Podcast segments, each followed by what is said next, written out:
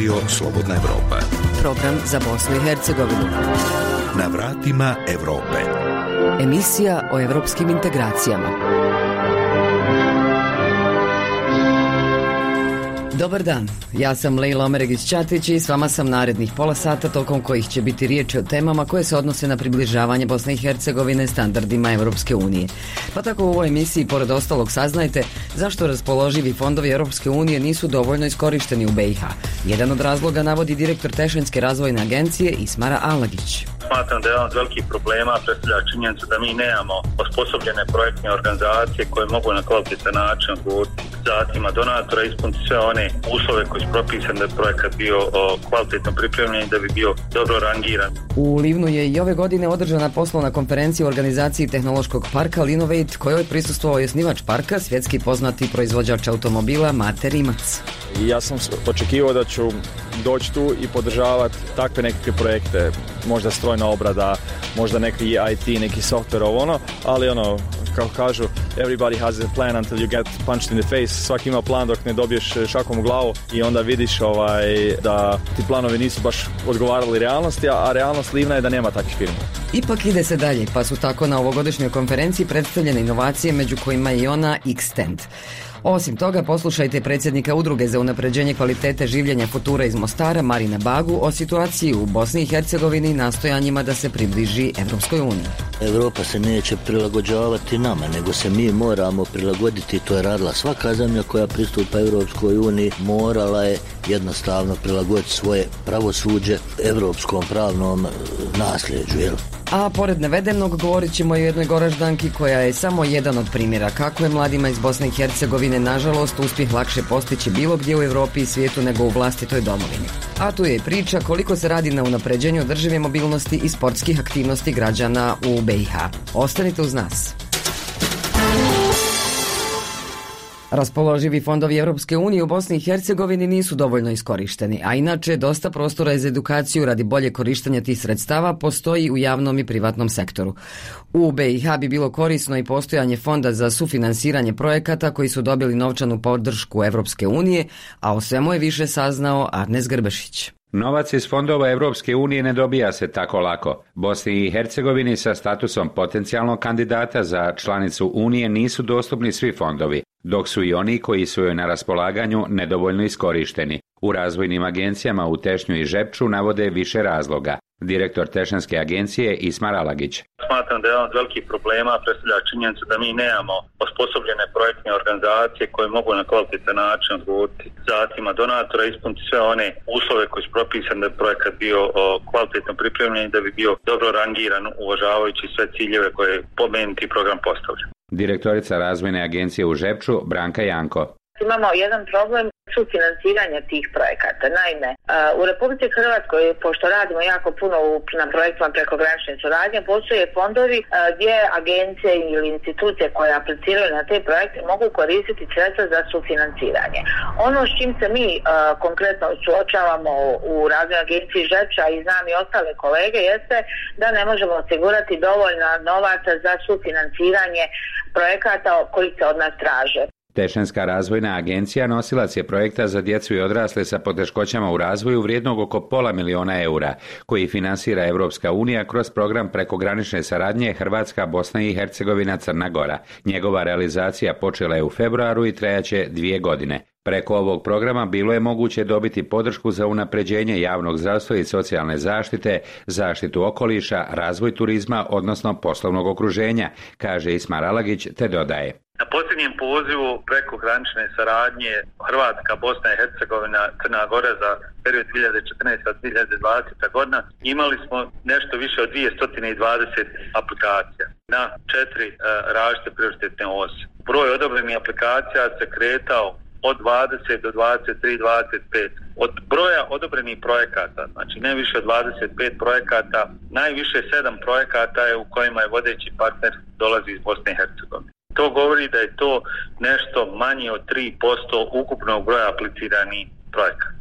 To govori da organizacije iz Bosne i Hercegovine još ne posjeduju potrebna znanja i vještine projektnom menadžmentu, upravljanju projektnim ciklusom s druge strane, direktor muzeja grada Zenica Nadin Jašarević, koji je također učestvovao u realizaciji projekata finansiranih iz fondova Europske unije za prekograničnu saradnju, misli da nije jednostavno dati generalnu ocjenu o spremnosti javnog i privatnog sektora u Bosni i Hercegovini za korištenje tih mogućnosti, ali navodi i primjer ustanove čiji je rukovodilac. Mi nismo sposobni za velike projekte, budemo glavni nosilac projekte. Mi smo nosioci projekta bili nekoliko puta za manje projekte, maksimalno do 15-20 hiljada eura, a ove veće koji su milionske nismo sposobni jer nemamo inženjering u firmi koji to može istrpiti. Pazite, muzej se bavi sa mnogo poslova tokom godine. Svega 12 zaposlenih od kojih je pet stručnih osoba, ne možete to sebi priuštiti. Mi radimo taman onoliko koliko mi možemo fizički da uradimo posla. Jer u suprotno znate koje su posljedice. Vraćate novac, pa plaćate penale itd. Ili ako ste partner možete upropasti jedan veći projekt. Načelnik odjela za Europsku uniju i projekte u Vanjsko-trgovinskoj komori Bosne i Hercegovine Amir Hujić. Znatno bolje se koriste fondovi koji su ti iz programa prekogranične saradnje. Oni su povezani sa socijalnim aspektom i pomoći socijalno ugroženim društvenim grupama. Pa iz tog razloga, iz te, iz te perspektive bolje se i koriste na partnerskoj osnovi sa zemljama u susjedstvu kao što je Hrvatska, Crna Gora ili Srbija. Međutim, ni tu nismo mi dovoljno ni adekvatno obučeni Spremni nije ni privatni sektor, dodaje Hujić i pojašnjava da su to pokazale i obuke za privrednike o korištenju raspoloživih sredstava Europske unije u organizaciji Vanjsko-trgovinske komore. Nama e, treba još dosta znanja, truda i da se mi iz javnog sektora i iz komora još više potrudimo da približimo ljudima izvore finansiranja. S druge strane moraju i sami privredni subjekti doći do tog nivoa znanja i spremnosti da to i prihvate. Oni koji se prijave na te naše edukacije većinom nemaju e, ideju šta zapravo oni hoće. U tim projektima, u tim konkurentnim utakmicama firma mora imati jasan cilj zašto ona treba ta sredstva. Znači ona ko ima neki proizvod kojeg je razvila, neku inovaciju, ona mora da jasno sebi da do znanja zašto on hoće da uđe u tu trku za sredstvima Europske unije. Međutim, mnoge firme lutaju, njima je potreban novac i oni misle da nedostatak sistemske podrške koji je evidentan kod nas, koje ima, ali je nedostatan, ne može se to nadoknuti iz, bar za sada zbog statusa naše zemlje iz programa Europske unije. Još jednom direktor Tešanske razvojne agencije Ismar Alagić. U teritorijalnom smislu nije ravnomjerno, nisu raspoređeni ljudski kapaciteti koji su u stanju da kvalitetno pripreme projekat. Druga stvar, priprema projekata je značajno promijenjena u odnosu na nekoliko godina unazad, jer za projekte koji su usmjereni prema određenim prioritetnim osama programa, neophodni su multidisciplinarni timovi. Znači, ako je, recimo, ranije bilo moguće da projekat pišu ljudi koji su projektni znalci, a ne poznaju predmetnu oblast, sad je apsolutno to nemoguće. Znači, bez konsultacije, bez uključenosti ljudi iz struke, iz konkretnog tog sektora, složit se, ne moraju mnogo znati o pripremi projekata, ali moraju poznati predmetno područje i potrebe. Za radio Slobodna Evropa iz Doboja, Arnes Grbešić. Bosna i Hercegovina je daleko od članstva Europskoj uniji. Suštinski problemi su postojanje svojevrsnog paralelnog sistema kojeg su uspostavile političke elite kao i stanje u pravosuđu kojeg upravo oni kontroliraju. To je intervju za radio Slobodna Evropa uz ostalo izjavio Marin Bago, predsjednik udruge za unapređenje kvaliteta življenja Futura iz Mostara, koja je zadnjih godina učestvovala u podnošenju više krivičnih prijava po različitim osnovama protiv zvaničnika u vlasti. U Bosni i Hercegovini zapravo postoji takozvani hibridni režim kojem nema mjesta u Europskoj uniji, poručio je Bago u razgovoru sa Mirsadom Behramom. Bosna i Hercegovina je jako daleko od članstva u Europskoj uniji i u realnosti i po ispunjavanju uslova za to članstvo, kaže u intervju za Radio Slobodna Evropa prvi čovjek udruge Futura koja se među ostalim bavi zaštitom potrošača Marin Bago. Bago ističe da se BiH mora prilagoditi Europi jer u Europskoj uniji kao zajednici čiji BiH želi biti dio moraju biti na snazi isti pravni temelji. Europa se neće prilagođavati nama, nego se mi moramo prilagoditi, to je radila svaka zemlja koja pristupa Europskoj uniji, morala je jednostavno prilagoditi svoje pravosuđe europskom pravnom e, nasljeđu. Jel? A upravo je tačka pravosuđe bila problem svake zemlje na Balkanu u pregovorima sa EU, kaže Bago. Objašnjava da se uređenje koje je BiH dobila prvim demokratskim izborima u načelu zasniva na tržišnoj ekonomiji. Međutim, naše kvazi političke elite su jednostavno napravile paralelni sustav. Ako stranka zapošljava, ako stranka liječi, ako stranka investira, to se zove politički kapitalizam. To nema veze sa tržišnom ekonomijom. Taj paralelni sistem, ističe predsjednik udruge Futura, ne piše nigdje u BH zakonima, čak im je i protivan, ali se u praksi tako ponaša. Jedno takvo ponašanje nema mjesta u Europskoj uniji. Ipak je tamo prva stvar vladavina zakona, ugovori, dogovori, dakle to se u Europi poštuje. Treba podsjetiti kako Udruga Futura iz Mostara kao dio mreže nevladinih organizacija naše društvo već godinama ukazuje na, kako tvrde, niz nezakonitosti i netransparentno trošenje novca u oblasti komunale, upravljanja otpadom i zdravstva. Podnosili su i krivične prijave, ali sudskog epiloga još nema. Prvi čovjek udruge Marin Bago za Radio Slobodna Europa kaže kako je problem u tome što politika postavlja sudije i tužioce, kontrolira ih i govori im šta će raditi. Za tako nešto nema mjesta u Europi ili Americi, kaže Bago. Ako ste krivi, možete biti predsjednik zemlje što se i dešavalo i jednostavno ćete odgovarati za svoje postupke. To je jednostavno crvena linija koja se u, u zemljama sa sličnim modelom jednostavno poštuje. U BiH je u stvari na sceni takozvani hibridni režim, pa kao takvi ne možemo biti dio EU, dodaje Bago. Podsjeća i da je mreža nevladinih organizacija naše društvo, na primjer, još u januaru 2019. podnijela krivične prijave protiv više osoba u gradskoj upravi i javnim preduzećima Mostara, na čelu sa bivšim gradonačelnikom, nedavno preminulim Ljubom Bešlićem, teške oko stotinu miliona maraka, ali da u tom slučaju još nema pomaka predsjednik udruge Marin Bago. I poslije 30 mjeseci kad vam tužitelj kaže nemam ja kad, nemam vremena time se baviti da je to stil života, vama je momentalno jasno gdje živite. U Americi, u, Europskoj uniji taj tužitelj bi bio vjerovatno osuđen na doživotni zatvor i nikad sigurno ne bi radio u pravosuđu ništa. Pažnju javnosti udruga Futura privukla je i u junu 2019. godine, kada su objavili saznanja o tome da se mulj sa pročistača otpadnih voda odlaže na komunalnoj deponiji Uborak kod Mostara, nakon čega su mještani oko deponije krenuli sa protestima i zahtjevima da se ta deponija zatvori. Predsjednik Future Marin Bago tvrdi da su ti slučajevi dokaz i da je BiH društvo pasivno i siguran je da bi u Europi u jednom gradu sa sličnim problemima građani zasigurno protestirali. Mi imamo službene podatke od Zavoda za javno zdravstvo koje povezuju divlje deponije Uborak sa ogromnim brojem oboljenja od raka. Niko se nije pomakao s mjesta. Zapravo, gledano sa aspekta približavanja Europskoj uniji, predsjednik udruge Futura iz Mostara Marin Bago kaže da nikome nismo problem osim sami sebi. Ako bismo nastupili zajedno, dobre volje, poštivajući ono što smo dogovorili i ugovorili, a to su naši zakoni, ja sam uvjeren da bi nas poslušali ljudi u Briselu koji o tome odlučuju. Međutim, oni stalno gledaju razočarenja, gledaju svađe, gledaju diletantizam. Podsjećanja radi, Udruga za zaštitu kvalitete življenja Futura je i kao dio mreže NVO naše društvo godinama ukazivala i na probleme u zdravstvu, tvrdeći da građani zapravo plaćaju dupli sistem, te da se godišnje samo u Federaciji BiH potroši oko milijarde i 600 miliona maraka. Čelnik udruge Marin Bago smatra da političke strukture ne žele urediti to stanje, te da, na primjer, ima slučajeva da javna preduzeća, poput komunalnih u Mostaru, nemaju potpisane ugovore sa građanima. Gledamo zadnjih 20 godina kako propadaju javna poduzeća, dakle nositelji zaštite prava potrošača institucije su prve koje to ne poštuju s druge strane, tvrdi Bago, istraživanja udruženja koja se bave zaštitom potrošača pokazuju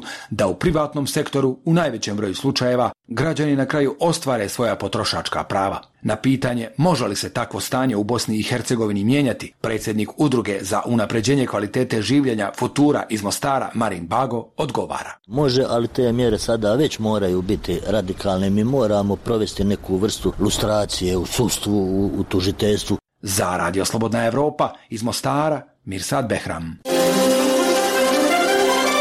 Na vratima Europe. Zahvaljujući livnjacima koji žive i rade u Hrvatskoj, preduzetnicima, inovatorima i univerzitetskim profesorima, Livno je prije četiri godine dobilo tehnološki park Linovate.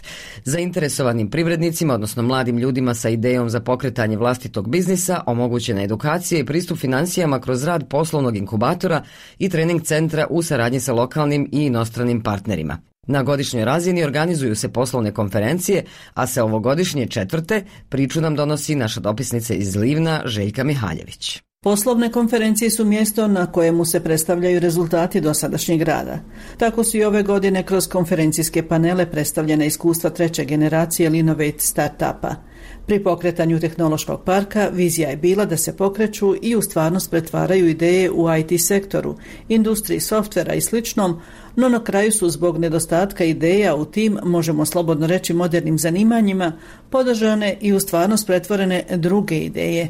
Kazao nam je to sada već svjetski poznati proizvođač automobila Mate Rimac. Pa moj područje je automobilska industrija, tehnologija i ja sam očekivao da ću doći tu i podržavati takve nekakve projekte, možda strojna obrada, možda neki IT, neki software, ovo ono, ali ono, kako kažu, everybody has a plan until you get punched in the face, svaki ima plan dok ne dobiješ šakom u glavu, tako i ovdje ovaj, dođeš na realnost, staneš nogama na tlo i onda vidiš da ti planovi nisu baš odgovarali realnosti, a realnost livna je da nema takvih firmi. Nema takvog kadra, nema takvih e, inicijativa, što ne znači da ne može, da jednostavno stanemo i kažemo nećemo raditi ništa. Evo, sam se iznenadio, kako ste rekli, da e, sam na početku podržavao proizvodnju pekmeza. Jer to je realnost livna. Pa ajmo napraviti uspješnu priču iz proizvodnje meda, pekmeza, turizam, adventure turizam, znači vožnja bicikala po našim prirodnim ljepotama tu i nek bude takvih par uspješnih priča, pa bit će vrijeme i za tehnološke. Evo sad imamo i prvu tehnološku priču a ta nova tehnološka priča predstavljena je na ovoj konferenciji. Riječ je o inovaciji Xtend nastaloj u inkubatoru za koju kažu kako bi mogla u potpunosti promijeniti tržište nekretnina. O dosadašnjim rezultatima više pojedinosti doznajemo od Ivone Čorić, direktorice poslovnog inkubatora Linovate tehnološkog parka Livno. Unazad za tri godine koliko postojimo imamo uh, 13 registriranih uh, firmi do sada i da smo plasirali 155 uh, tisuća konvertibilnih maraka u investicije i grantove za startupe. Pored toga imali smo i pilot akcelerator programa gdje smo dodatnih 200 tisuća eura investirali u startup koji se bavi turizmom Continental Adventures. To je bila direktna investicija od Mate Rimca. Riječ je o izvrsnoj turističkoj priči mladog livenskog poduzetnika Marina Mamuze koji je prošao cijeli put od ideje u Linovate poslovnom inkubatoru do situacije gdje u njegovu firmu investira osobno Mate Rimac. Odnedavno naš suvlasnik, a i mi smo isto tako napravili dosta prije Matine investicije kupili smo zemlju, e, razvili smo projekte, odnosno pokazali smo da je naš e, poslovni plan e, izuzetno održiv financijski. Sa, sa novcem koji je investiran u Continental Adventures gradimo prvi resort ovdje u Livnu gdje ćemo turistima pružiti znači jednu kompletnu uslugu od smještaja do izletničkih programa, nadam se kasnije i restorana i drugih zabavnih programa. Ovom poslovnom konferencijom u Livnu iskazana je čvrsta namjera osnivača Linovejta da uspješnih poslovnih priča poput Marinove bude što više.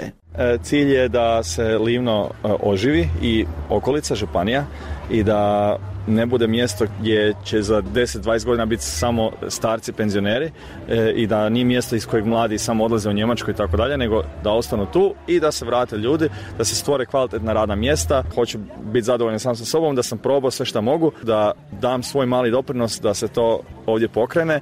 Da li sam zadovoljan? Evo, četiri godine smo uspjeli stvoriti nekih 30-40 radnih mjesta, e, investirali znači u Linovate nekih skoro pol milijuna maraka i još u druge firme direktno. Pokrenuli smo već stvari, vide se rezultati, nadam se da će se vidjeti neke uspješne priče iz toga, da će biti uspješnih firmi, uspješnih pojedinaca i da će to jednostavno pokrenuti lavinu, e, domino efekt koji će onda rast i možda za 10 godina bude ono stotine radnih mjesta, e, desetaka jačih firmi koji će izrasti iz toga. Zaključio je Mate Rimac te istaknuo kako je sa završetkom poslovne konferencije otvoren novi poziv za prijave za novu generaciju startupa u Livanjski tehnološki park.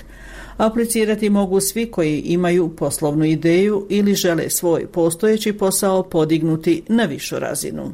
Iz Livna za Radio Slobodna Europa, Željka Mihaljević. Priča Goraždanke Džemile Krivdić dokaz je da je mladima iz Bosne i Hercegovine nažalost uspjeh lakše postići bilo gdje u Europi i svijetu nego u vlastitoj domovini. Džemila je bila dijete kada je prije 21 godinu sa porodicom napustila rodni grad, a danas je uspješna žena koja živi na Floridi u Sjedinjaveričkim državama i specijalista je prodaje luksuznih nekretnina vrijednih i po nekoliko miliona dolara. Ovu priču ima Alen Bajramović. Džemila Dženi Krivdić imala je samo deset godina kada je 2000. nakon procedure koja je trajala oko godinu i po dana napustila Bosnu i Hercegovinu i stigla u Sjedinjene američke države.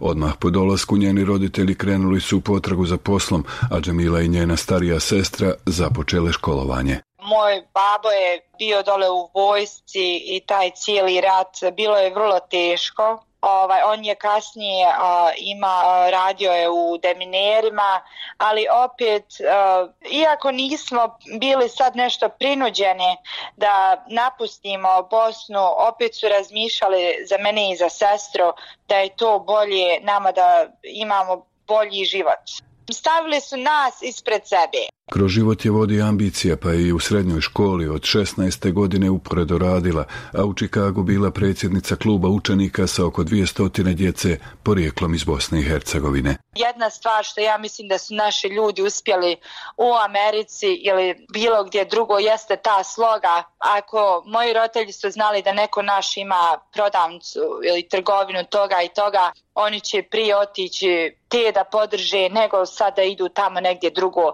da je, da je vladala neka ljubomora, stvarno toga nije bilo. Njena ljubav su ljudi i komunikacija s njima, pa je zbog toga odabrala profesiju trgovca i to na visokom nivou, a u državi u kojoj se cijene samo rad, znanje i rezultati, uspjeh nije mogao izostati. Trenutno evo imam četiri transakcije, a, imam od 350.000, znači radim sve, znači stanove, polukuće ovdje imaju, nije ni kuća, nije ni stan, nego ima eto kao stan sa garažom, i radim, imam jedan trenutno deal koji je 4,5 miliona. Najprije kroz prodaju poznatog kozmetičkog brenda u Čikagu, a nakon toga i luksuznih nekretnina na Floridi, Džemilina karijera krenula je uzlaznom putanjom.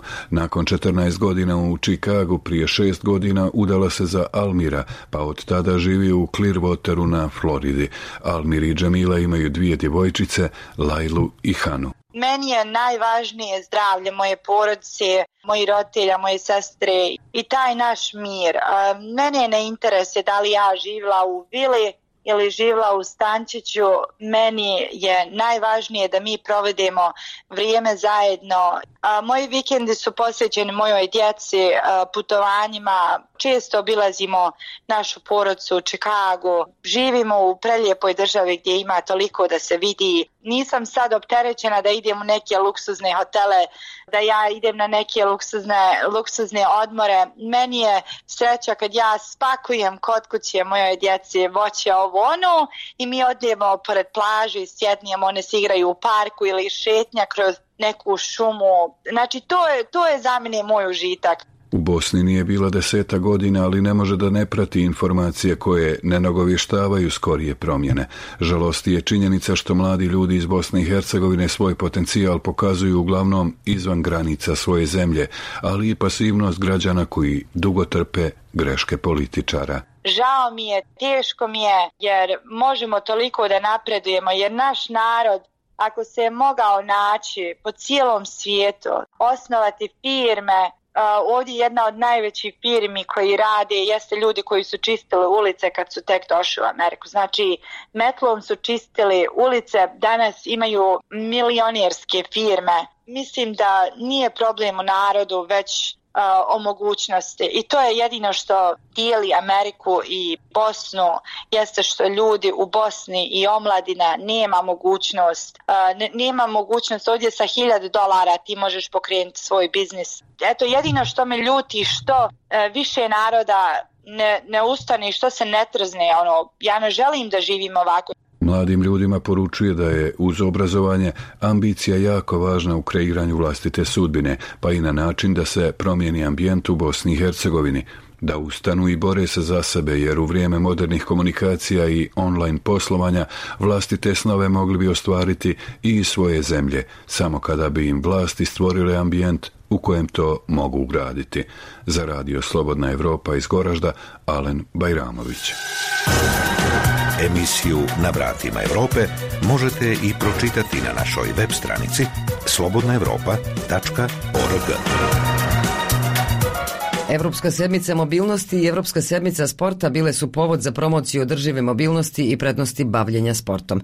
I dok se širom Europe organizuju različiti sadržaji i realizuju konkretni projekti, u Bosni i Hercegovini se tek zahvaljujući entuzijastima i donekle nevladinom sektoru podsjetilo na potrebu prelaska na održivije načine kretanja i aktivnije bavljenje sportom. U Unsko-Sanskom kantonu je Udruženje za promociju sigurnosti u saobraćaju atraktivnim sadržajima realizovanim u drugoj polovini septembra na najbolji način povezalo mobilnost i sport. Više o tome je saznala Azra Bajrić. Među 105 učesnika desete biciklijade organizirane i ovog septembra u Unsko-Sanskom kantonu bili su Nermin Rizvić iz Velike Kladuše i Sulejman Isaković iz Bužima. Koriste svaku priliku da bicikliraju i promoviraju ovakav način prijevoza. Zato što je to prvenstveno ulaganje u zdravlje, rekreativno, pogotovo danas u vremenu u kojem živimo, to je uvijek bijeg od stresa, od svakodnevnice i naravno to je onako porodični sport u kojem mogu svi članovi uživati. U biciklizmu mislim sve najbolje. Biciklizmom se bavim već neki 15 godina i duže, mislim to je jedan od, za mene od boljih i zdravih sportova Biciklizam je sve popularniji u Bosni i Hercegovini koja je još 2002. godine potpisala povelju Europske inicijative u grad bez automobila. Njena realizacija ostaje na nivou angažmana pojedinaca, entuzijasta nevladinog sektora te rijetko organa vlasti. Stoga je i ova biciklijada bila povod da se ukaže na nezavidan položaj biciklizma u Bosni i Hercegovini. Samir Japić, predsjednik biciklističkog kluba Cazin. Mi kao biciklisti, kao pješaci imamo veliki problema u saobraćaju jer dobar dio naših vozača automobila nas, bicikliste, ne tretira kao ravnopravne učesnike u saobraćaju. Upotreba bicikla kao prijevoznog sredstva tokom pandemije porasla je u svim europskim zemljama uz povećanje ulaganja kako u infrastrukturu, tako i u razne vidove poticaja građanima. Aktuelni projekti u okviru europskih fondova ostavljaju prostora za apliciranje, no u Bosni i Hercegovini se u tom segmentu bilježe tek sporadični slučajevi, pa je tako prije nekoliko godina u Unsko-Sanskom kantonu izrađen prijedlog strategije uvođenja biciklizma, no sve je ostalo na papiru papiru. Da je neophodna kvalitetnija i konkretnija podrška pokazalo i ovogodišnje obilježavanje Europske sedmice mobilnosti, a potom i Europske sedmice sporta u Bosni i Hercegovini. Ovisilo je prvenstveno o agilnosti pojedinaca i nevladinih organizacija i tek se na tim primjerima vidjelo koliko malo ulažemo i u mobilnost i u sport. Udruženje za promociju sigurnosti saobraćaja Cazin atraktivnim sadržajem privuklo je najmlađe. Aladin Žunić, predsjednik udruženja. Mi smo imali poligonsko takmičenje gdje su oni prikazali svoje manevarske sposobnosti na malom prostoru da prolaze čunjeve, a onda je bila utrka na 100 metara sa biciklom i romobilom. I imali smo također još jednu trku na 100 metara gdje su oni kao pišaci učestvovali, odnosno trčali. Zovem Kovačević Šeman, učestvovao sam u poligonu, u trci biciklima i trci. Osvojio sam prvo mjesto, jako sam zadovoljan. Merijem Hadžić. Vozila biciklom. Koliko imaš godina, Merijem? Pet. A kad si naučila voz bicikl? Pa ako sam pjela mala. Korist bavljenja sportom je više struka, kaže Emir Čehić, profesor tjelesnog odgoja navike u sportu, one se preslikaju u cijeli život, a ne samo to da djeca razvijaju svoje motoričke sposobnosti, da razvijaju svoje funkcionalne organske sisteme, već djeca se uče i kulturi ponašanja, vrednovanju, uvažavanju kolege, njegovanju prijateljstva i tako dalje. Mada je u sektoru sporta u Bosni i Hercegovini stanje bolje nego kada je u pitanju mobilnost, prostora za unapređenje i jednog i drugog i tekako ima. Tek nešto sistemskog pristupa da se naslutiti iz aktivnosti Bihamka. Amel Raščić, stručni saradnik u Bihamku. Pored se sada sa Europom nije zahvalno, ali mi se trudimo koliko god možemo da se približimo tome, da što više promovišemo tu sigurnost u saobraćaju, da edukujemo i mlade i, i starije osobe. Mi promovišemo cjeloživotno učenje koliko je Bosna i Hercegovina otvorena i spremna za kvalitetni pristup razvoju i mobilnosti i sporta, ilustruju i podaci o uspjesima naših biciklista, sportista, te domaćinstvo velikim sportskim natjecanjima poput svjetskog prvenstva u amaterskom biciklizmu, a koje će od 5. do 10. oktobra biti održano na Jahorini. Za Radio Slobodna Evropa, Azra Bajrić. I to bi bilo to u ovom izdanju emisije Na vratima Europe. Sa vama su proteklih pola sata bile Svjetlana Petrović i Lejla Omeregić-Ćatić. Do slušanja.